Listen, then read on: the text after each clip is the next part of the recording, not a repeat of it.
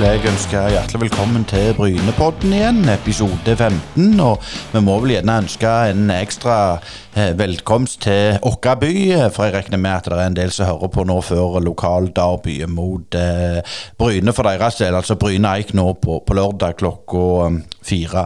Og i den forbindelse så har vi en konkurranse der du kan vinne ei signert eh, Brynedrakt fra A-lagstroppen i år. Den kan bli veldig mye verd etter hvert, men det skal vi ta om litt. For i løpet av denne sendinga så har vi tatt en prat med eh, Bryne-spiller Marius Andersen.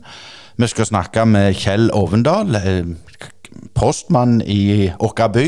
Er vel òg groundhopper, og er vel en av de selvfølgelig Eik tettest i, i disse tider. Vi skal selvfølgelig ha analysehjørnet med Even Sehl, og etter 5-0 mot Fram, så, så, regner jeg med den analysen der blir, blir lystige.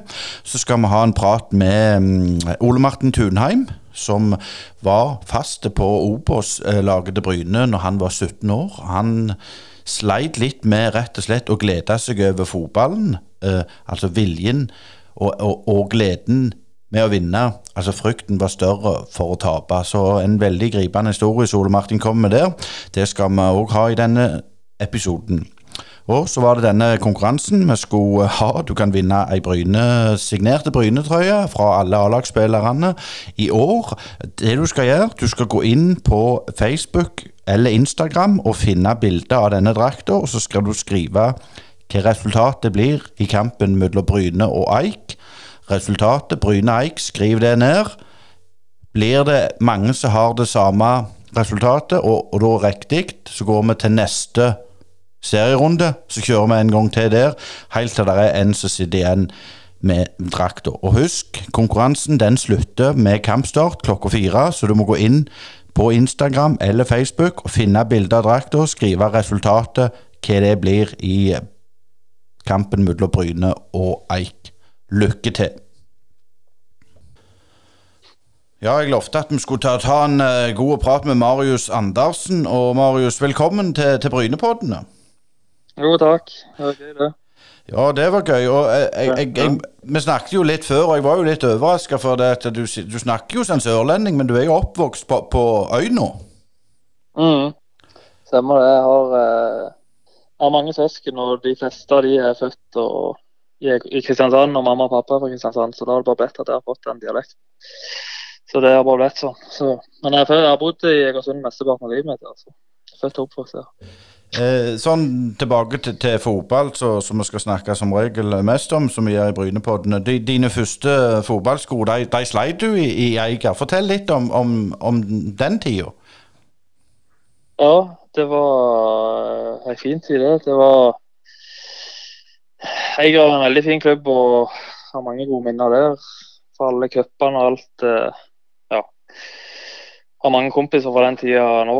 Og jeg spilte jo med Henning da, eh, som jeg spiller med nå igjen i, i Bryne. Så ja. ja. Det var en fin tid, det. Men, men jeg pleier alltid å spørre, jeg, jeg pleier alltid spørre Når merka du at du, du, du var, var et talent? jeg skal ikke si at det har vært noe vanvittig talent, men det har egentlig bare gått sånn jevnt og trutt at jeg har tatt litt steg etter hvert. Så kom jeg jo på A-laget til Eiger, og så gikk det bra, det. Altså, men jeg har jo alltid spilt mye fotball og hatt mye egentrening og sånn i barne- og ungdomsårene, så jeg har jo alltid liksom vært eh, treningsvillig og alt det. Den pakka det. Og så har det egentlig bare at jeg har tatt noen steg etter hvert, så har det liksom At jeg har kommet der jeg er nå og har hatt mange gøye år i fotballen. og jeg, ja, jeg håper jeg har mange gøye år igjen. Ja, for du kan si når, når du var i Eiga, så gikk du til Eigersund, og det er jo det, det folk gjør, som så på en måte er talentet. og hvordan, hvordan, var den overgangen? Er det sånn at det er helt greit i dag, eller er det sånn at det blir uh, ramaskrik i byen? Nei, jeg tror det er litt ramaskrik ennå. Det er ikke Eller det, er jo mer forståelig, det har jo myknet opp. Men jeg husker når jeg skulle gå, så var det jeg husker først jeg takket nei, det var på sommeren før jeg gikk. Så da var det jo, var det veldig Ja, hadde jo veldig på i dag for at jeg ikke skulle takke ja. Men så rykte vel Eiger ned, og så rykte Eik opp. Eller om Eiger ikke rykker opp Ja, Eik rykte i hvert fall opp til andre divisjon, og da ble det jo med en gang at hvis jeg ville noe med fotballen, det var jo 20, et par og 20, så da ble det liksom naturlig at jeg gikk. Så, men det var, det var, litt sånn da, og jeg tror nok det er litt sånn enda for noen. Det, det er på enda engasjement mellom meg og Eik. Det er synd at de ikke har slått sammen, og syns jo jeg det, men nå er det sånn. Ja, for jeg er jo en gammel uh, breddefotballspiller, og det er klart det, det er jo som du sier, hadde de slått det sammen, så hadde det blitt mye bedre, for nå er det jo sånn de, Spør du meg at de begge holder hverandre nede? Er det, det din uh, erfaring òg? jeg vet ikke. er litt sånn, Det var min mening før, men akkurat nå vet jeg faktisk ikke. Men jeg tror, jeg tror det hadde vært best hvis de kunne drevet sammen. i hvert fall om de kunne hatt barnefotballen for seg sjøl, og så etter hvert, når de kom opp i 13-14-15-årsalderen, at de kunne begynne å samarbeide for, å klare å dyrke fram eh, bedre lag og bedre, spill, bedre enkeltspillere etter hvert. Det tror jeg nok de hadde vunnet på. For å få de beste spillerne samla etter hvert. Eh, men sånn så for din egen del, så, så, nå, du var jo noen år i Egersund, og så gikk du til Fløy, og så noen år i Arendal, og så tilbake til Egersund igjen. Er, er, det, er du en rotlaus ung kar, eller er det en, en naturlig forklaring på, på disse klubbbyttene? Nei, det er Jeg ikke rote. Jeg har jo hatt fine tider alle klubbene har vært i, syns jeg, men det har nok vært litt uh, Når jeg gikk fra Eik til, til Fløy først, det var jo pga. studier, da. Jeg kunne begynne å studere i Kristiansand. Og så gikk jeg vel fra Fløy til Arendal for, uh, for Fløy bare hadde ambisjoner, eller større Fløy òg ambisjoner, men Arendal uh, ville opp og ville opp med en gang.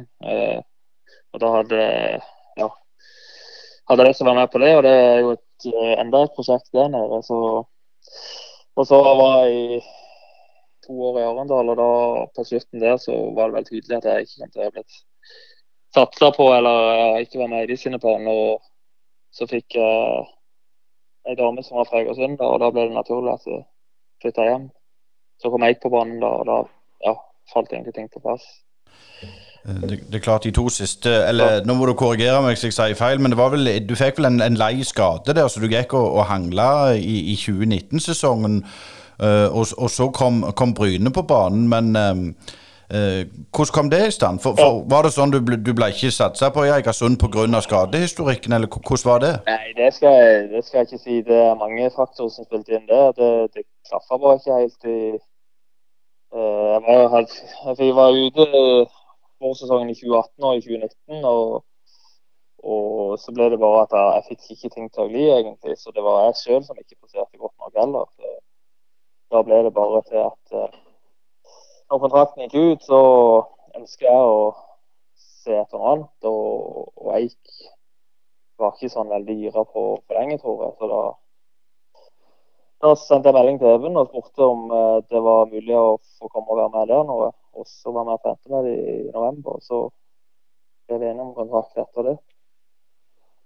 Så det var egentlig bare Jeg følte det var mest riktig å prøve noe nytt da når jeg hadde ja, det ble på Eik. Eh, nå vet... Jeg har hørt mye bra om Bryne, så, så kjenner jo en del av de Andreas Hoppestad og Andreas Jacobsen. Men nå har jo begge de gitt seg, de har spilt med før. og ja. Det er ikke så langt heller fra Egersund, så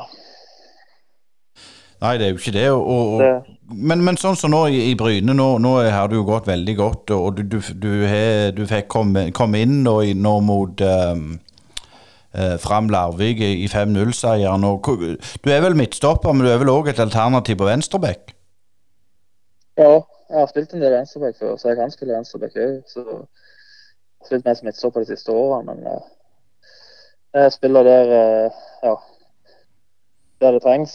Så, men det er klart jeg har jo lyst til å komme inn på, på lag, og det, det, er klart det er jo det er mye gøyere å Eller det er, liksom, det, det er jo mye gøyere å være flyt når du er inne på laget sånn er det jo bare. Sånn er det for alle fotballspillere. Du, vil jo, du har jo lyst til å være inne i elveren, men nå er det ikke sånn for min del akkurat nå. Men det er i hvert fall en veldig fin spillergruppe å være i, og jeg trives veldig godt. Så. Men hvordan klarer tror det er gode presser hverandre. Ja, det var det jeg skulle litt inn på. Hvordan klarer du å motivere deg sjøl? For det er klart, å sitte på benken, det er jo forferdelig.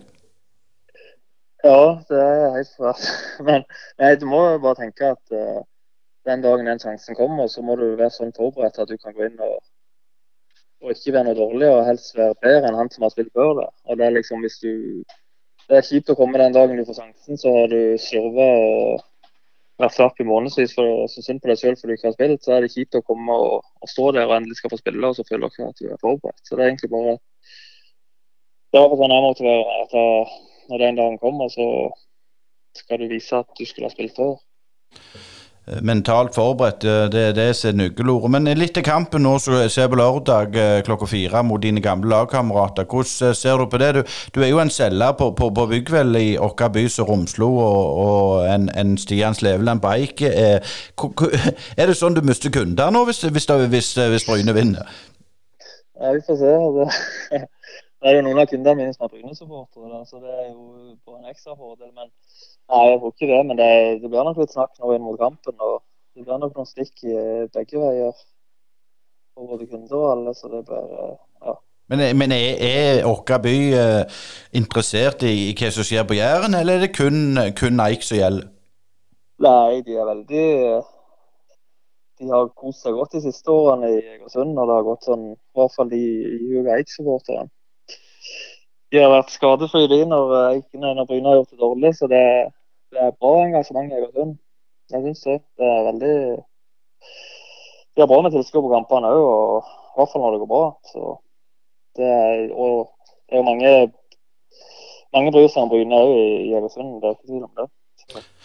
Men, men helt til, til, slutt, Marius. Nå, nå, vet jeg at du kom til Bryne. Romslo kom til Bryne. En gammel Bryne-spiller, Sverre Larshus Larsen, eh, slutta. Eh, er det noe fellesnevner for at folk gir seg, eller er det bare sånn at det, det passer ikke med, med familie og, og jobb og, og, alt? Ja, det er nok litt av alt. Det, det, skal, ja.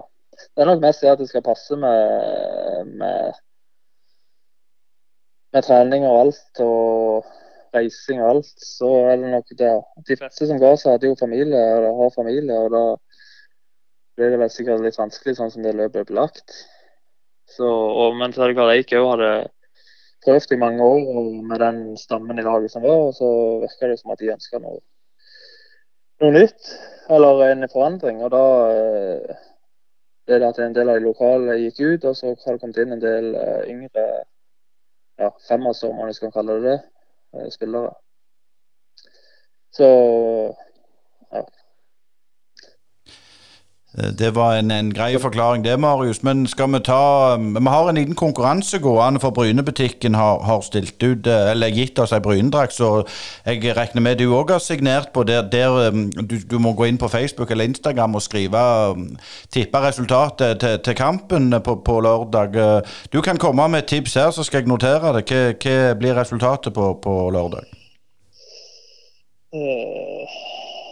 Jeg håper på en 1-0-seier.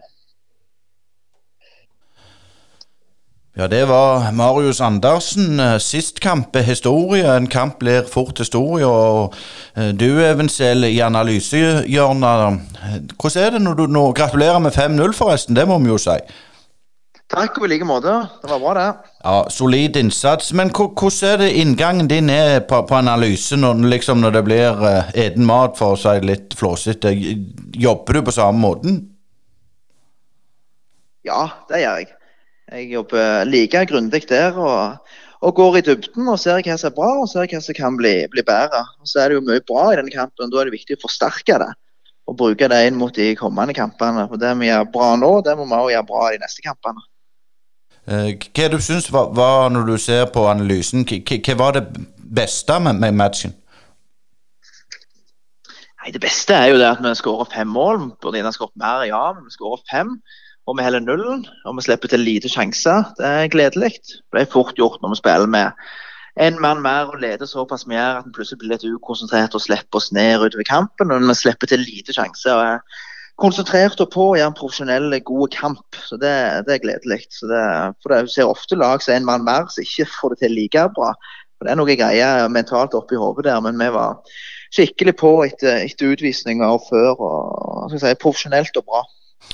Eh, eh, skal vi si, Inngangen til kampen, var, var, det å gå i strupen på, på Fram? Ja, det var det. Vi hadde det analysert Fram godt i forkant. Visste det at det var mye bra offensivt. Uh, spillende lag som spilte på litt høy risiko av og til. Veldig flott når det lykkes, og så kan det se litt dumt ut når det ikke lykkes like bra. Så vi ønsket at de skulle få ha litt ball, lokke de opp. Aggressiv, vinne ball, og så straffe de på noen kontringer.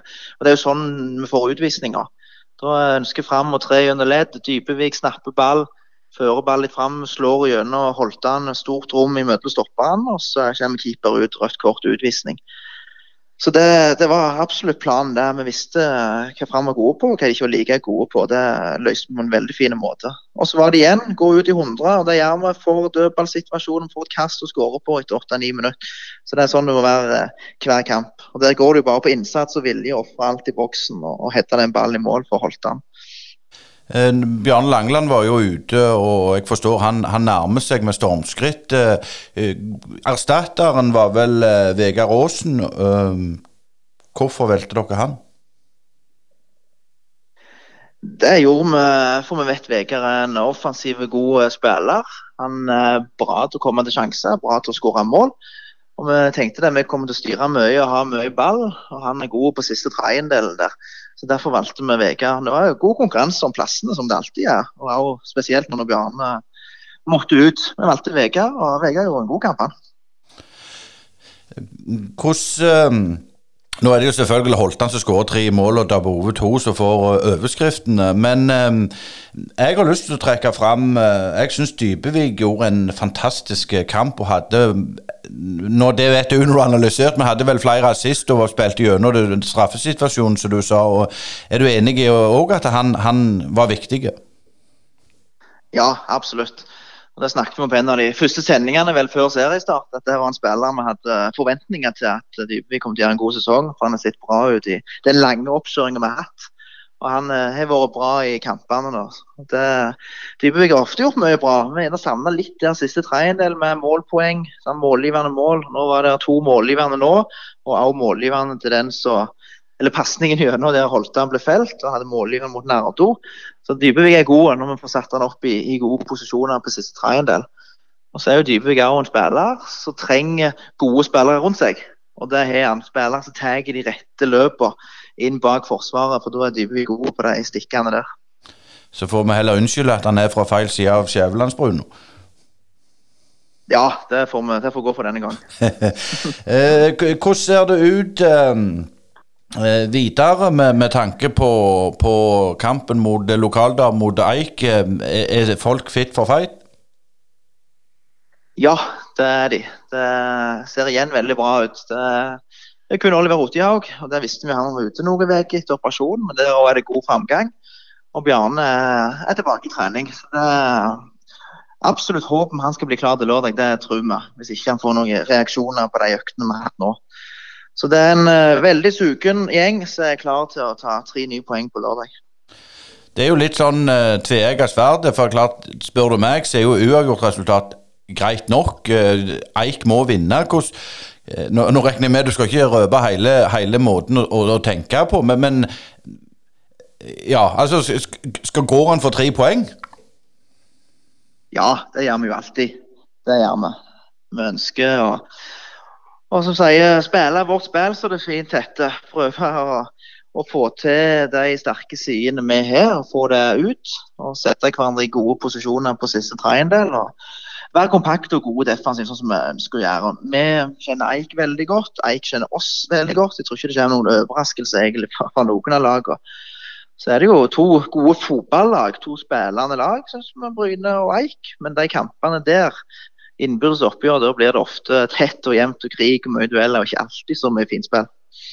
Nei, for det er litt det begge lag kjenner jo en annen veldig godt. Spillere har gått fram og tilbake. Og, og, det blir gjerne litt utfordring òg, for som du sier, ofte er det tette og, og jeg skal ikke si kjedelige kamper, for det er det ikke, for det er nerve der hele veien. Men, men, det er jo to spillende lag, men det er jo sjelden en ser det i de kampene.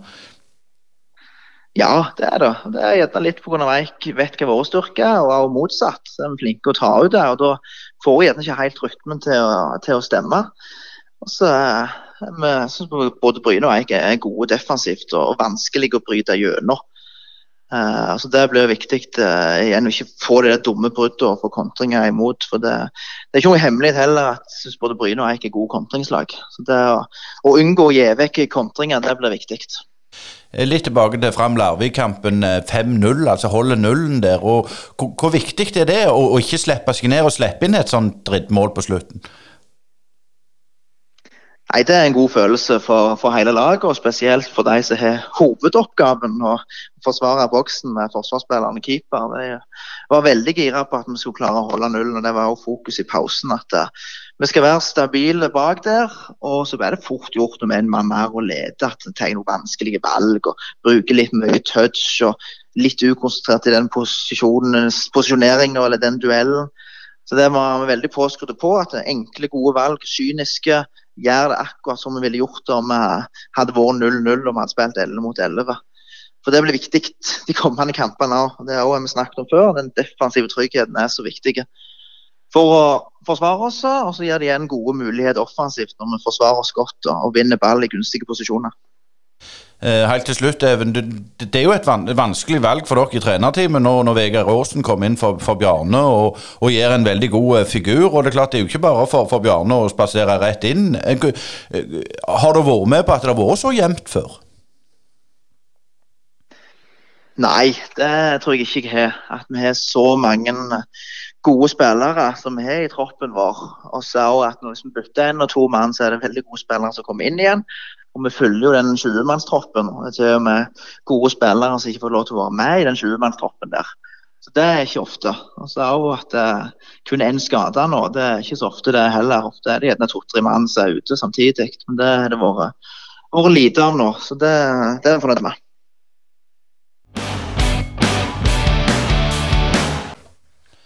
Ja, Du hører fortsatt på Brynepodden, og vi har jo eh, skrøtt på oss at vi skal ha en eh, naprapat med oss. En som har vært veldig god å spille fotball han var veldig ung, men så på, av ulike årsaker ikke nådde helt opp. Og velkommen til Brynepodden, Ole Martin Tunhaug. Ja, skal vi fortelle litt om, om hvem Ole Martin er, eh, sånn helt ifra fra barnsben av? Jeg hører jo at du er jærbu. Jeg er jærbu. Jeg er rett fra Bryne. Eh, men fotball det spilte du i Rossland fra fram til 12-13-årsalderen, og da, da, ville du til Bryne? Det er jo som alle Rosslands eh, ungdom gjør. Da går du til Bryne. Men du var jo et talent litt utenom det vanlige. Fortell om når merka du sjøl at du var et talent, for å si det sånn? Det, det klarer jeg ikke å svare på, men det var vel kanskje når jeg begynte å bli tatt opp eh, på eh, eldre alderstrinn, og kanskje iallfall når jeg ble tatt opp og fikk trene med Bryne i en ung alder på, på A-laget. Eh, hvordan var det når du var Vi sier jo litt sånn stygt sagt redung, for du var ikke gamle kar når du var i A-lagsdiskusjon. Når kom du opp i troppen? Det var, hvis jeg husker rett, så eh, Jeg signerte for Bryne da jeg var 16 år. Jeg ble omskolert av Gabriel Høyland fra venstre ving til venstre bekk. Og det var da det begynte å eskalere. Eh, da gjorde jeg det godt. Og ble ganske fort egentlig eh, testa mot voksne, eh, voksne mannfolk. Og det var Ja, det var gildt. Eh, men òg den tida der eh, Hvor tøft var det å komme opp som relativt ung? Var, var, du 15, eller var du 16? Eh, når jeg signerte, var jeg 16. Jeg husker ikke helt hvor mye jeg var med når jeg var 15. Jeg var jo med på Bryne 2 da iallfall. Men jeg, jeg er ikke så god hukommelse på, på nøyaktig årstall og alt det der greiene der. Men uh, ja, om det var tøft på den tida, var det bare gildt. Når jeg var så ung, var det Det var Ja, det var Det var Det var På den tida var det ikke så lenge siden vi hadde vært i Eliteserien heller. Å få spille med Roger Eskeland og gjengen da det var, det var stort. Eh, I den tida så var du òg eh, aktuelle, og du spilte flere U-landskamper. Ja. Jeg, jeg debuterte på Bryne og gjorde det godt på Bryne, så kom jeg inn på landslaget, U-landslaget i tillegg. Og, og du Asker, du, du fulgte jo uh, unge, unge Tunein uh, i Jærbladet-tida di. Hva husker du spesielt godt? Jeg husker jo eh, spesielt godt eh, en kamp i Kongsvinger. Eh, kanskje det var stemning og jeg eh, ankom Kongsvinger tidlig en eh, sommermorgen og reiste inn til Sverige og handla snus og intervjua forfatteren Levi Henriks litt før kampen om Kongsvinger, og Bryne var jo eh, i, i, i den tida var Rolf Teigen som var trener, og det var en kamp som de burde vinne, eller måtte vinne, for det det så litt dårlig ut. og Unge Tunøy eh, kom inn i skogene holdt jeg på å si, og spilte vel eh, en av de beste kampene jeg så han i, og, og ble da kåra meg til banens beste i den kampen. og Bryne vant eh, knepen 1-0-seier. Så Ole Martin var jo en sånn en som alle fulgte med på og, og trodde kom til å ende opp eh, som å bli en, en, en, en, kjempetalent som kom til å ta steg oppover. Og Landslagstid og alt det der husker jeg jo. Så da har jeg litt lyst til å spørre deg, Ole Martin. altså Jeg fant aldri helt ut av det, for jeg eh, gikk mine veier, du gikk dine. altså Hva var det som egentlig gjorde at du eh, skifta beite og slutta med fotball? Ja, jeg pleier å si det. Jeg var tidlig god, tidlig dårlig. Uh, så um, Det ene grunnen Du kan si mye om du ble litt skada der og fikk ikke spille litt der og, og alt sånt der, men jeg tror kanskje hovedgrunnen for min del var at jeg rett og slett sleit litt med det presset jeg la på meg sjøl. Og det tror jeg ikke er så unormalt i, i fotball nå til dags, eller den tida der heller. Og eh, det var nok kanskje det som ble litt tyngende i lengden. Eh, at jeg ikke eh, kanskje fant den gleden jeg hadde når jeg hadde, var 15-16-17 år. Eh, jeg tror kanskje det var det som gjorde at jeg slutta helt. For det er ikke så normalt å si at du slutter på fotball når du er 19 år. Det det Normalt sett sier at du trapper ned, men jeg, eh, jeg fant ut at ja, jeg har lyst til å satse på andre ting. Og eh, reiste til Stockholm i Sverige og studerte til naprapat. Så det er liksom eh, Du kunne jo sett før deg eh, du begynner å ta opp ballen igjen i Stockholm og liksom eh, spille deg inn på Djurgården og sånne ting, men det var aldri aktuelt? liksom. Det var, det var faktisk aldri et tema. Det var, det, var, det var, aldri et tema å begynne i tredje, andre, fjerde divisjon i Sverige. Da var det Jeg tror ikke jeg så en Premier League-kamp i den tida engang. For det var, det var liksom et totalskiftearbeid et par år. Og det var, det var nok noe jeg trengte, og fant et yrke jeg ønsker å gå all in i istedenfor. Jeg tenker litt sånn, eh, Ole Martin, hvordan, når du følte at du la press på deg sjøl hvis, hvis, du går, går litt gjennom ei, treningsuke med en kamp, hvordan arta det for, for unge Tunaien i den tida? Det er jo eh, Det er jo normalt at når du er unge, så var det det du Det du er når du spiller fotball, det er jo elsker jo det du holder på med, og driver på med ball hele veien. Og, og kanskje for min del så, så ble det eh, Det profesjonelle livet var, begynte tidlig.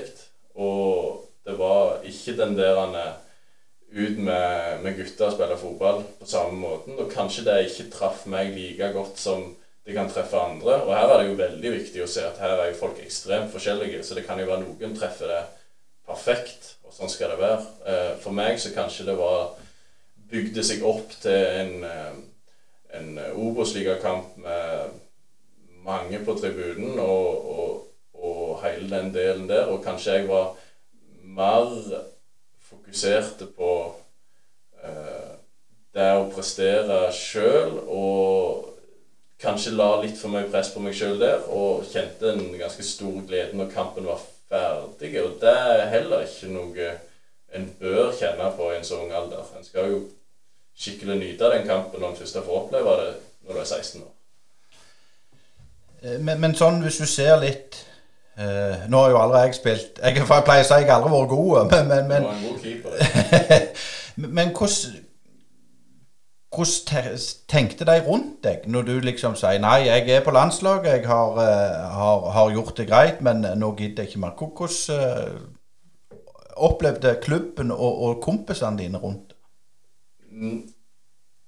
Min eh, nærmeste gjeng tror jeg kunne brutt seg katten. Det er en fin gjeng som ikke som ikke tar seg tydelig på det ene eller det andre. Så der var det ingen problem. Kanskje noen av de jeg hadde spilt og trent med i, i mange år, følte at jeg ja, kan si, fikk sjansen på noe de ikke fikk sjansen på, som eh, kanskje de tenkte på at jeg eh, liksom ikke tok den sjansen så godt som det jeg burde gjort, når de kunne fått den istedenfor. Det er nok noe som kunne streifa dem. Jeg har ikke snakket så mye med dem om det, men eh, det er, det er jo en, en faktor, faktisk. Ja, jeg tenker litt uh, videre på det der, for det, det, er jo interessant. For det er jo en del av de du spilte i lag med som var kanskje et år og to eldre enn deg, eller sånn cirka, som, som på en måte kom inn i A-salen og så forsvant de ned til lavere divisjoner etter hvert. Uh, men når du møter de unge i dag gjennom jobben, og sånn, du skal inn i, i klubben igjen så, som, uh, gjennom jobben, og så ser de unge spille i dag er det noen forskjell på deg i dag og, og på de tid, eller er det, og er det noe du kan gi dem råd om og sånne ting? Og, og, og bruker du erfaringene i, i, dag? Det er jo klart, og, den jobben jeg har nå, er jo perfekt. Eh, nå jobber jeg jo med de unge talentene i, i Bryne på så nærme og så tett som det går an. For det er ingen plasser du er en, en på et behandlingsrom. Det er, der, det er, der, friheten er på en stadion i forhold til spillerne og i forhold til grupper. Det, det er ganske gildt. Eh, jeg, jeg, skal ikke stå der og være en, eh, en preiker, eh, men det er gildt å se på en måte hvordan det utvikler seg med de unge i, i Bryne. Jeg syns de er Jeg syns de er Kan du si mer står på egen Altså, de de er tøffere i trynet, for å si det på, på den måten er litt tøffere i trynet, og det er ofte bra. Eh, og så gjelder det jo ofte å se, når du jobber med folk, hva type de er. Er de en type som, som kan være litt lik den typen jeg er, så kanskje de trenger å bli sagt Ta det med ro, det er bare fotball. Og så kan det være den typen som som kanskje tar litt for lett på det, og da må du ofte snu på det og pushe de eh, andre veien for å se i, mitt, det, i det medisinske yrket som jeg jobber i, da, hvor viktig det er å ta vare på kroppen, og hvor viktig det er å, å lytte på det jeg sier, og det trenerne sier, eh, for, å, for, å, bli best mulig. Så det er absolutt eh, veldig reelt i forhold til den jobben jeg er nå. Men eh, litt tilbake til, til, jobben din. altså Naprapat. Eh, Bryne har jo hatt en del skader opp gjennom året, til og med i de tider. Eh, men, men, hvordan er det liksom generelt med skadeforebygging? Du tenker jo i forhold til ja, Vi ser jo de beste lagene som har liksom to-tre kamper i uka nå om dagen og sånne ting. Altså, eh, og Bryne har jo én kamp i uka i snitt. altså hva er det som gjør at det, det blir så relativt mye skade? Hva er det folk gjør feil, og sånn, og hva kan du rette opp eh, underveis? Ja, altså det er jo det, er det jeg jobber med. Og det Nå er jo det en ekstremt interessant eh, jobb, og jeg syns egentlig fotball er Det er jo derfor kanskje fotball er en av de mest populære sportene i hele, hele verden på grunn av Det er ikke Det er ikke så lett å bare si som i andre sporter i i, der du sier du skal trene kun knebøy hver dag for å bli stor og sterk. Du skal bare trene sprinttrening for å bli rask. For det, det, er så ekstremt mange faktorer som spiller inn på hvorfor du skal holde ut i 90 minutter og være den raskeste på banen og ha den beste teknikken. Det, det er kanskje en av de mest komplekse sportene du kan jobbe med skadeforebygging. og Derfor er det ganske interessant. Og der viser du òg at eh, ja, du er like mye skada i Real Madrid som du kanskje har i Kåsen. Og de jobber med eh, raskere spillere i, i, høyere nivå, som gjør at belastninga blir større. Kampprogrammet er tettere. Og, så du, du, klarer nesten ikke komme unna det uansett. Men det viser jo gang på gang at de som har minst skader, de gjør det ofte best i løpet av en sesong. Jeg tenkte på det litt nå med tanke på covid-19, og jeg har lest en del uttalelser av eksperter sånn som deg, at det er viktig å ikke kjøre for hardt ut med en gang, og ta det litt over, over tid liksom, og få, få kampfitten. Hvordan er det du har jobba med, med Brynelaget rundt dette? Bryne, det, for det første så var det jo ekstremt positivt at Bryne FK tok valget uh, Knut Ove tok valget av å ikke permittere noen spillere. Det tror jeg var ekstremt viktig i den perioden, og det ga Ja, Bare avbryt det der. Hvorfor var det så viktig? Det tror jeg har mye å si i forhold til den dynamikken i laget vi har. Og eh, merka det på spillerne at det, de ble Altså, det, det, det, de gikk inn på at den jobben vi skal gjøre, den varer fra nå og til den tida de åpner igjen. Og istedenfor at du da blir satt hjemme og ikke får den eh, følelsen av at laget holder sammen i denne vanskelige tida. Så det tror jeg var et viktig tid, ting å, å, gjøre. Men eh, eh, Og det er jo ganske interessant, for det var jo Bryne en av de få klubbene i hele Norge som gjorde. Um, men det er likevel en tøff prosess å gå gjennom, for du stenger treningssenteret. Du får ikke gjort uh, den vekttreninga du skal gjøre der. Du får ikke gjort den samme fysiske treninger sammen som du gjør. Så det krever jo enormt mye av den individuelle spilleren til å gjøre det. Vi satte oss ganske kjapt ned og, og, og lagde både program for styrke og skadeforebyggende de skulle gjøre hjemme, eh, fysisk i forhold til løp. Og vi fikk jo ikke etter for lang tid begynne med å samles i grupper på, på stadion. Og da fikk vi jobbe litt tettere, men fortsatt veldig utfordrende. Og det, det, det at du ikke får spille kamper, er jo også noe som jeg tror både vi og andre lag kommer til å kjenne utover sesongen. For det, du kan trene så mye du vil på, på ei mølle eller springe på en bane, men det å spille 90 minutter, det, det tror jeg alle som har vært skada i en liten vet det er blytungt første gangen du gjør det. Ja, det kan jeg skrive under på selv om jeg var keeper, så det, det er tungt å komme i gang. Men, men, jeg tenker litt, nå er det jo en del nye spillere som kommer, ni-ti stykk. Og hvis jeg er litt sånn uh, frekk, så er det en del vrakgods fra tippeligaklubber og Obos-klubber. Med tanke på den erfaringen du har, ser du litt av de samme elementene som du var borti? At, at, at på en måte presset og, og, og, og gleden, da, kall det det, er litt vekke? Det gjør jeg egentlig på ingen måte. Det, det, det kan jeg ikke uh, egentlig si. Det, det, går ikke an å si. Um, jeg føler vi har henta smart i forhold til uh, gruppedynamikk. Og når det kommer spillere, hvor gode de er, det er ikke min jobb.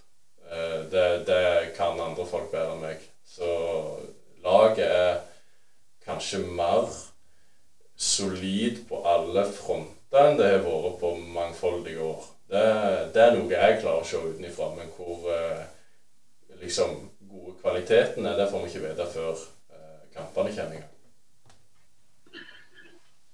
Det er jo eh, Ole Martin, en tilbakevendende debatt i Norge med, med tanke på skader og, og kunstgras. Er, er, det noe du kan si eh, Nå har vi jo hatt kunstgras noen år. altså Er det noe du kan si ut fra yrket litt eh, om kunstgras er fører til mer skader eller ikke, eller er det for tidlig ennå til å slå noe fast? Ja, Det er mye debatt. Det er mye debatt. Og Der kan ikke jeg gi deg noen fasit. Men eh, vi, vist, vi, vet jo veldig godt at det skiftet fram og tilbake er vanskelig for mange. Og eh, debatten pågår i Bryne så som i alle andre eh, klubber i Norge og i verden. Kanskje fremfor alt i Norge, siden vi har mer kunstgras her. Um, noen liker å trene kun på ett dekke fram til de skifter dekke. Noen liker å bytte dekke dagen før for å venne seg til. Noen liker å trene på det samme dekket som de skal spille kamp på hele uka. Så der, eh, der, er det altfor individuelt fra spiller til spiller til hva som, hva som eh, de liker. I, I, forhold til min mening så ønsker jeg minst mulig bytte for å unngå skader. Det er min mening. Akkurat. Men eh, til slutt, eh, er det, har du holdt på å si hatt, hatt fotballsko på deg de i senere år i det hele tatt? Ja, jeg tok de jo på meg igjen når jeg flytta hjem fra Sverige. Eh, og da valgte jeg eh, å bli med kompiser som jeg hadde på Kåsen, og bli med der. Og det, ja, det var jo gildt igjen, for da var du litt tilbake igjen til den, eh, den Kall det gleden i, i, i den delen igjen. og da kan du jo spole tilbake til, til den tida jeg hadde, og da kan du tenke ok, hadde jeg gjort det, hadde jeg gjort det? Men jeg sier det til samtlige som spør. Eh, jeg tror du kan si alle 30 år gamle gutter og damer kan, eh, kan uh, gå tilbake og si hadde jeg bare gjort det, hadde jeg bare gjort det, uh, hadde jeg ikke blitt skada da, da hadde jeg blitt god. Så det går, det, Jeg skal ikke være den typen. Men en ting jeg på en måte har tenkt litt på, er jo viktigheten av de personlighetene som kanskje er veldig seriøse, som, som jeg var da. Hadde nok godt av å hørt at det er bare fotball. Det er, det er noe jeg har på en måte Hadde jeg spilt på Bryne og vært god i dag, så tror jeg jeg kunne eh, slappet mye mer av i det eh, på, på, den måten. Og for det, det er viktig å forstå at det er bare fotball.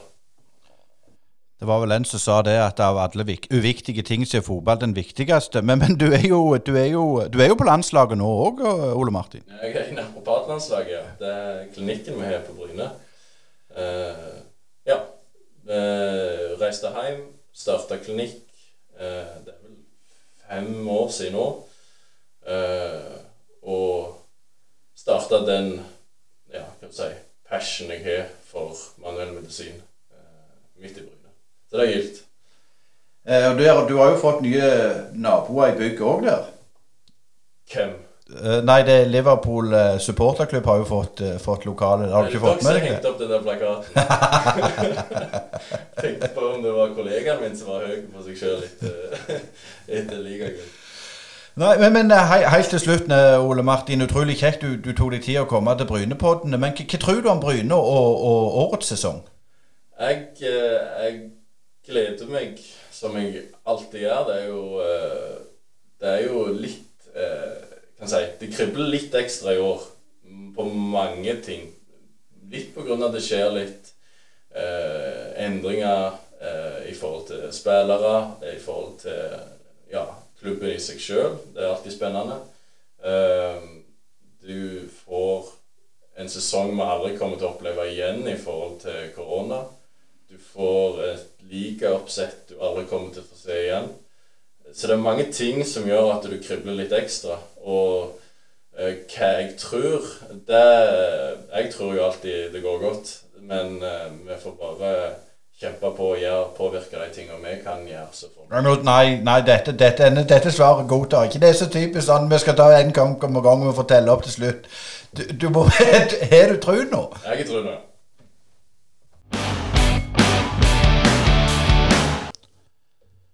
Ja, du hører fortsatt på Brynepodden, og selvfølgelig når vi skal ha et lokalderby, så må vi snakke med eh, den viktigste fanen i Eigersund by, Kjell Ovendal, postmann Pett. Og Asker, du skal ta oss en liten eh, rundtur eh, sørover. Ja, velkommen til Brynepodden, Kjell Ovendal. Jo, si takk for det. Eh, nå har jo jeg eh, fulgt med deg litt på nett i noen år, eh, i, i, og med at du har eh, styrt hjemme siden Eik. Eh, men andre ting er kanskje like så kjekt å snakke om til å begynne med. Du legger ut noen flotte bilder fra dine daglige postruter i Egersund. Kan du si litt om arbeidet i Posten i dag i forhold til når du begynte? Ja, hva skal jeg si? Vi, vi gjør jo basically det samme som vi gjorde. Uh, men uh, det er vel kanskje hvor viktig den jobben vi gjør som har endra seg veldig for uh, snart uh, 37 år siden jeg begynte i Posten. og Da var vi jo en veldig viktig samfunnsaktør. sånn Internett og sånn var det jo ingen som hadde hørt om. så, så vi går, det vi går rundt med i dag, er vel mange ganger aviser og sånt, og alt andre som vi gikk, gikk rundt med før med mye reklamepost og sånn, det, det, begynner å, å forsvinne, rett og slett. Men jeg ser jo, jeg kjører jo mye på landsbygda, og der er vi jo fortsatt en viktig innslag i mange sitt liv. Det får alltid en god drøs med postkassen med eldre folk og sånn. Så for å si, jeg liker meg like godt som jeg har gjort i alle de 37 årene jeg har jobbet der. Når du har eh, vært i Posten en del år, ja, 37 år, det er jo, det er jo en mannsalder nesten. Eh, men eh, grunnen til at jeg hørte om det første gang, det er jo det at du har jo farta en del utenlands òg. Og litt, litt, spesielle ferier for mange nordmenn, det. Ja, sikkert noen koner òg kan si at det er litt spesielle ferier. Jeg tror ikke det er så mange som tar med koner på ferie til Gainsborough og Belper for å se fotball. Um, altså Jeg uh, har jo fulgt Eik siden midt på 70-tallet, og det har jo alltid vært min klubb. og så jeg, Når jeg er oppvokst i den perioden jeg er, så ble det Liverpool i England. og når jeg ble gammel nok og hadde penger nok, så begynte, så begynte, jeg å reise litt over for å se både Liverpool og engelsk fotball generelt. og ja, jeg var ungkar i mange år, og da får du lov å reise hvor hen du vil. og da ble det stort sett til England for å se fotball. Til å begynne med i, i de øverste divisjonene, men etter hvert så har jeg fått litt avsmak på den her enorme pengegaloppen. og Nå blir det mye det som vi kaller for non-league jeg reiser til, å se lag fra nivå fem og nedover. Men Når begynte dette, da? Ja, hva skal jeg si. Eh, jeg hadde jo et, vi, vi fikk to unger da, rett etter årtusenskiftet. så Da var det en periode i livet der det å reise på tur bare for å se fotball var litt uaktuelt. sånn at uh, Jeg hadde noen års opphold, men fra ja, rundt 2010 og fram til nå så er det blitt litt mer tilbake til sånn som det var før. Men kona er mange ganger med. men da reiser vi på en del på sånne lag som ingen i Norge har hørt om engang. Men, men jeg tenker på, Når begynte du første gang å reise over? altså Hvor, tid, hvor gammel var du da? eller hvor årstall snakker vi nå om? jeg, jeg hadde nettopp fylt 18 og kjørte til ferja som skulle gå til Newcastle og krasja på veien. Så det var dramatikk fra første stund. Uh, nei, så 85, da, da hadde jeg med en, en, en som var litt eldre enn meg, som var på helgetur i Newcastle. Det var liksom introduksjonen. Og så er det liksom balt, mer og mer på seg. og Det er jo Storbritannia stort sett det går i. Eh, jeg er veldig, veldig fascinert av hele den britiske kulturen. og Når vi er der borte nå, så er er vi mye ute på landsbygd og går tur i heiene og ja, besøker landsbyer og sånt. og Vi er av og til med på terrengløp f.eks. Så, ja, så vi gjør mye annet enn bare å se fotball òg. Men da har du jo fått med deg en del endringer. altså 85, da var jo huliganism og alt sånne ting fremdeles uh, going strong. Uh, hva, hva, er de største ja. endringene du har opplevd i året du har vært over, vil du si? Ja, det, det, er jo eh, selvfølgelig Fasilitetene på stadionene eh, er jo en enorm endring. og så er det jo ikke til å legge skjul på at engelsk fotball i dag er jo mye mer populært enn det var da midt på 80-tallet det var jo en sport nærmest i krise da pga. Ja, huliganisme, pga. årene med Thatcher og de konservative hadde gjort at mange, spesielt i Nord-England, hadde blitt eh, fattige og ikke hadde råd til å gå på kamp. Og, men jeg vil si jo eh, fasilitetene på stadion, som, som ut fra mitt perspektiv ikke bare er en bra ting. For jeg eh, liker jo de gamle falleferdige arenaene der du kjenner bare rost dryppe ned i, i nakken fra bølgeblikket på taket. Så for, jeg er veldig nostalgisk og, tenker liksom at, at, ting var bedre før. Det var selvfølgelig ikke det. Men Hvor mange baner har du klart å besøke da, i løpet av disse årene? Ja, jeg har egentlig slutta å telle, for det er, det er mange som fører veldig statistikk uh, på det her. og Jeg er jo veldig sånn statistikknerd ellers i fotball, men akkurat mine egne banebesøk eh, Det er mer opplevelsen jeg reiser for. Det, det, det jeg opplever, de folkene jeg treffer. Så ca. 150, men jeg har ikke noe eksakt tall. Men har du noen eh, skjulte arenaer som, eh, som, er noen favoritter blitt i løpet av disse årene? Altså, hvis du skulle sagt en favoritt fra hver tiår, hva ville du havne på da, tror du?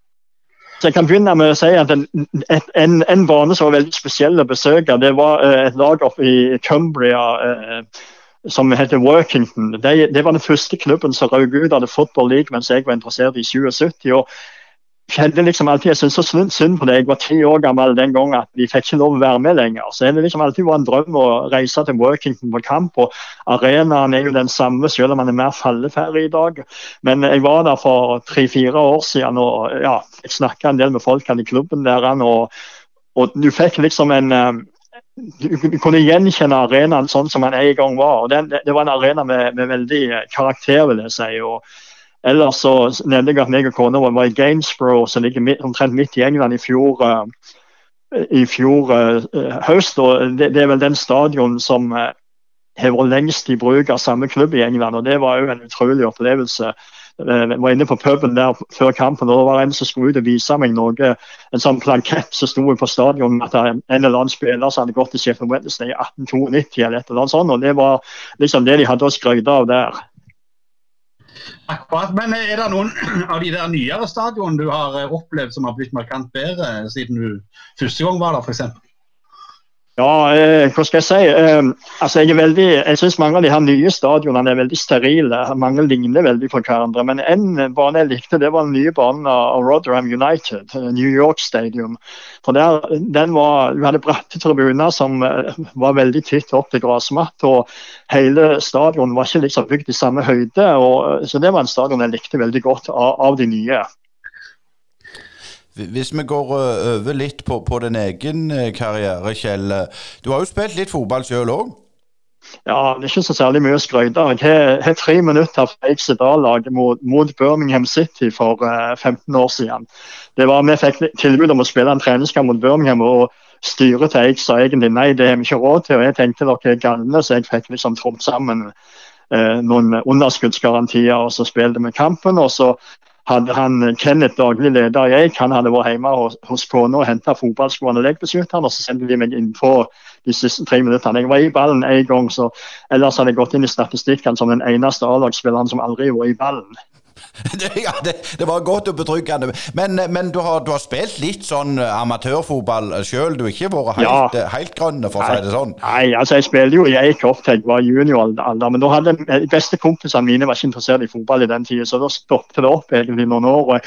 Da, da, gikk det mye på fotball på hjemmebane. Jarl Lemong, som jo er godt kjent i Bryne, han var en av mine gutter i nabolaget. Og meg og et par andre som var eldre, vi spilte enormt mye løkkefotball, og de guttungene var med. Og så spilte jeg eh, noen få år på Hellevik. Eh, noen få, ja, 20-30 år kampene og mest B-lagsfotball for å holde meg litt i form. Og så har vi jo det herrene, Jeg var jo med på den bedehusserien på Jæren som gikk under mange år, der du spilte mot de forskjellige bedehusene på, nordover på, på søndagene. Så Det var en litt sånn kul serie å være med på. for Det var jo enorme kvalitetsforskjell, men, men uh, kjekke ting å ha vært med på. Det er gode minner. Men når eh, ble du beten av denne eikbasillen? For, for, for, du er jo en, en, en statistikk eh, Jeg skulle til å si nerd, det er ikke fint ord å bruke, men du er veldig opptatt av, av statistikk? Ja, jeg, jeg, fungerer vel som en selvutnevnt historiker for jeg, jeg, var jeg skrev den 100-årsjubileumsboken som ble gitt ut nå i, i, vinter. og Jeg har skrevet en bok før om, om A-laget. Eh, mest for egen interesse. Så var det andre som hadde lyst til å ha, ha, ha det samme, samme, som jeg lagde til meg sjøl. Så det ble en bok, det òg.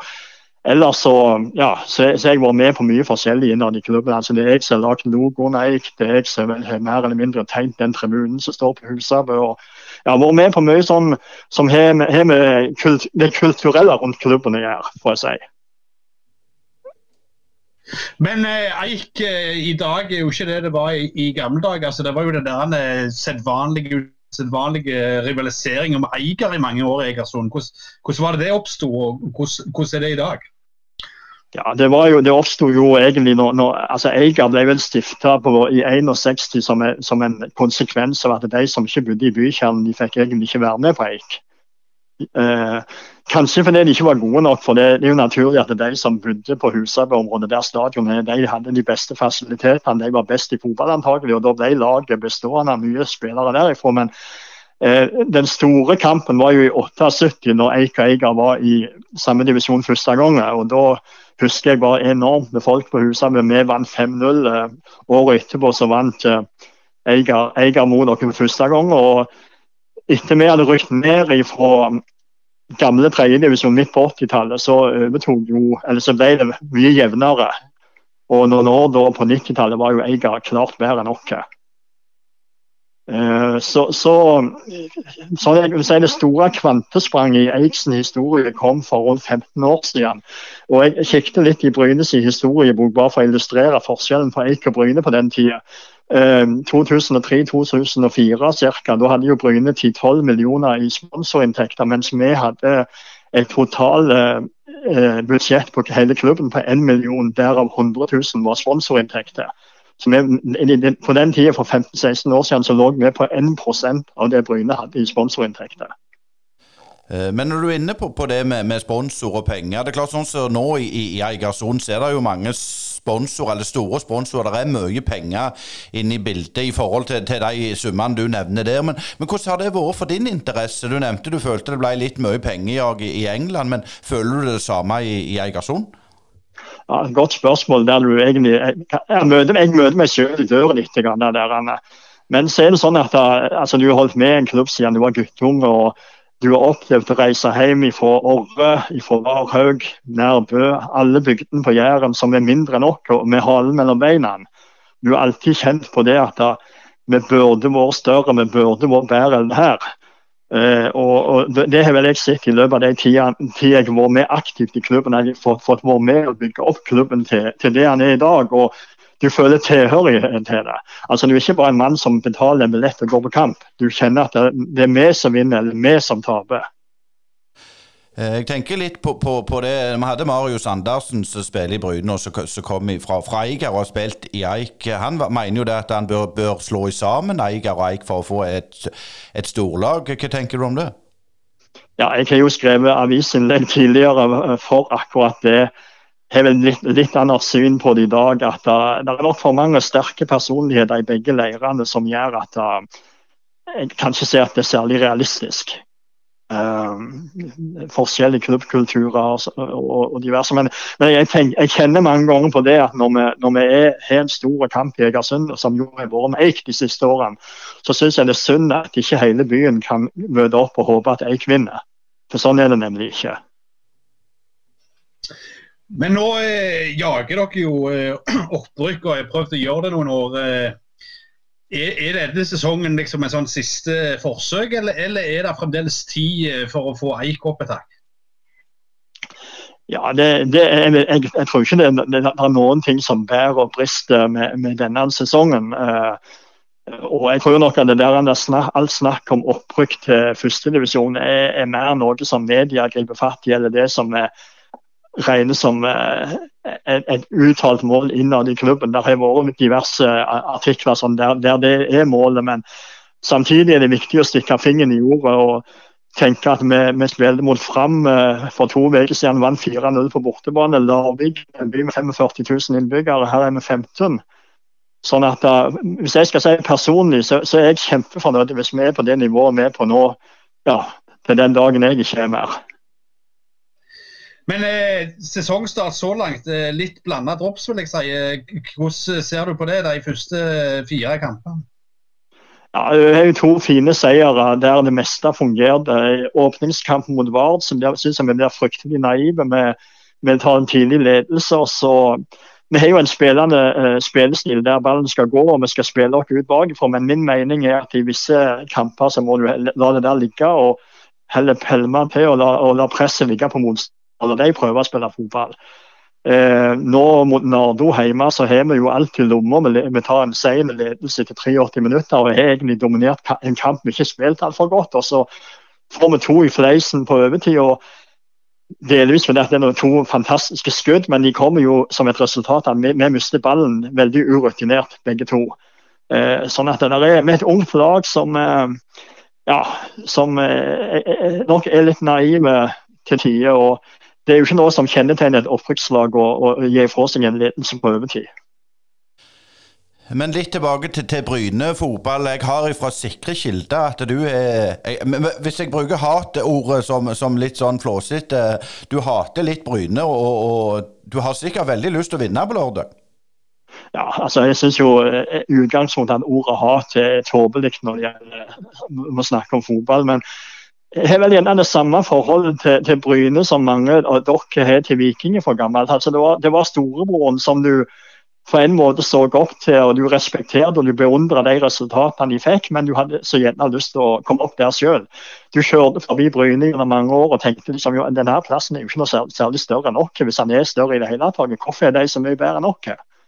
Og det, ligger litt mer der. Og så er det klart at det, det å slå naboen Vi hadde jo den der 6-1-seieren på Jæren for ja, snart tre år siden, som jo er, det var jo helt surrealistisk. Eh, for en som er oppvokst i, i min, min, tid, altså vi spilte mot Orre mens dere spilte europacupkamp mot Anderlecht. Og så reiser vi bort og sudrer dere 6-1. Vi, vi trodde jo ikke det vi så. Uh, jeg, ja, nå, nå, setter du meg på plass her. Så, så. Men, men, sånn litt, hva tror du om kampen? For jeg vet jo at Eik med, med Bijan ønsker å ha en veldig spillende, spillende spillestil, og gjerne litt naivt, sånn som du forteller at de får brudd imot. Men hva tror du om mm. kampen på lørdag? Ja, nå har Bryne hatt en veldig god sesongåpning, kanskje med litt tur i et par av kampene. ikke sant? En sen skåring mot Nardo pga. en keepertabbe, får vi si. Så får dere mot Fram ble deres keeper utvist på stillingen 1-0 og sånt. Altså, statistisk sett, hvis vi går det så er det jo vært veldig jevnt mellom Eik og Bryne. Vi har møtt hverandre i serien 20 ganger, og begge lagene har vunnet 7 ganger hver. Seks ganger det var uavgjort. sånn at Et sånn kjedelig tips er jo at det blir jevnt og gjerne uavgjort en gang til. Men jeg syns det er vanskelig å spå noe, for vi det som resultatene våre hadde seg til nå i år, så det kan, vi kan, vi kan, det, alt, alt kan skje. Så jeg får ikke, tror ikke tippe noe. Litt synd at vi ikke får eh, stille på stadion alle mann eh, pga. Eh, covid-19, men hjertelig takk for at du stilte, Kjell Ovendal. Jo, det var kjekt. Da er vi til veis ende i denne sendinga av Brynepoddene. Og det har vært ei lang sending i, før lokalderby, Asgeir. Ja, men det må mest være såpass når vi skal ha derby mot Eik, som da har jo blitt det nye store holdt jeg på å si, i løpet av sesongen. Synd at det ikke får komme publikum, for det hadde nok pakket ganske godt på stadion denne kampen. her. Men eh, vi har jo opplevd eh, litt forskjellige ting. Ja, absolutt. Og jeg syns jo det er ganske gripende å høre Ole Martin Tunheim fortelle om, om hans karriere. Og det er klart, det er tøft det for en ung gutt å, å, å slite så med, med prestasjonsangst at han rett og slett gir seg. For han var jo Han har jo landskamper. Ja, og det, det, er jo Jeg husker jo han i Jeg satt jo på sidelinjene rundt forbi Norge og så på han i mange kamper. og han var jo veldig god utover den sesongen, der, spesielt rundt sommerstid i 2008. Eh, leverte noen vanvittige kamper og var jo bare 17 år. og Det var jo sånn du tenkte at hvor langt kommer han her til nå, liksom. Det, det var det. Og så reiste jeg andreplass og, og sånn, og plutselig var han fordufta og ingen visste helt hvorfor. Og jeg syns det var modig av han å stille for oss. Ja, det skal han ha, og, han er jo uh, heldigvis i, i, klubben igjen og gjør en formidabel jobb som Så han er jo sånn sett på landslaget òg, for han er på naprapatlandslaget. Uh, så var det jo òg veldig interessant å snakke med, med postmann Pet, Kjell Ovendal fra Åkaby. Ja, det, han er alltid tidlig ute, han. Eh, men det er jo klart, han har jo den der fine kombinasjonen av lokalpatriotisme og interessen for fotball generelt. Og det òg at de reiser rundt i England og ser ja, sånn som vil tilsvare femtedivisjonslag og sjettedivisjonslag. Det, det er jo ikke akkurat sånn at vi hiver oss i bilen og reiser til Hofsherad fordi de har en hjemmekamp. Øystein. Nei, det har du helt rett i. Apropos Hofsrad, der har jeg spilt flere ganger. Der, der hadde jeg iallfall ikke reist, for å si det sånn. Eh, og og så er det jo interessant å høre på, på Even etter kampen. og klart, eh, Det de fokuserer på, at de holder nullen, de slipper ikke inn et sånt pissemål. og Det, det er litt viktig, det. Både det og at de, de, de erstatter kaptein Bjarne Langeland med Vegard Aasen. så det blir ikke dårligere, og, og han sier jo det at laget blir jo mest bare bedre når de bytter ut. Ja, pluss at jeg, jeg sjekket litt statistikk her. holdt jeg på å si, og, og Hele fjor så skåret de 30 mål. Nå har de skåret 12 mål på fire kamper. Eh, og Mest av halvparten av hele fjorårssesongen. og Det lover jo ganske bra framover. Nå tror jeg denne Eik-kampen kommer til å bli ganske viktig og eh, sette en slags standard på hva vi kommer til å se resten av denne herrene spesielle sesongen. Hva tenker du om søndagen, eller på lørdagen? Lørdag, nei, jeg, uff, ja. Det er jo en, en, kamp som Eik må vinne, tenker jeg. Og jeg, jeg er jo fornøyd med ett poeng, for da holder du de avstanden. Klart, Vinner vi, så, så, er jo Eik ute av, av topp tre, tenker jeg. Og, og Eik kommer jo til å gi alt og være et skada rovdyr. Så det blir Jeg tror det blir en krigekamp og en kjedelig kamp. Og, og Marius Andersen han tippet jo 1-0, og vi har jo en konkurranse der du kan vinne ei signerte Brynedrakt. og Da må du gå inn på Facebook eller Instagram og finne bildet og skrive resultatet under der. Og husk, gå på Brynepoddene sine hjemmesider på Instagram, ikke noen andre. Og hvis det er flere som har samme resultatet og tippet riktig, så går vi videre til, til neste runde. Og uh, Marius han tippet 1-0, og jeg tipper jeg tipper 1-1. Hva tipper du, Asker? Jeg tror det blir 0-0. Tusen takk for du hørte på Brynepodden.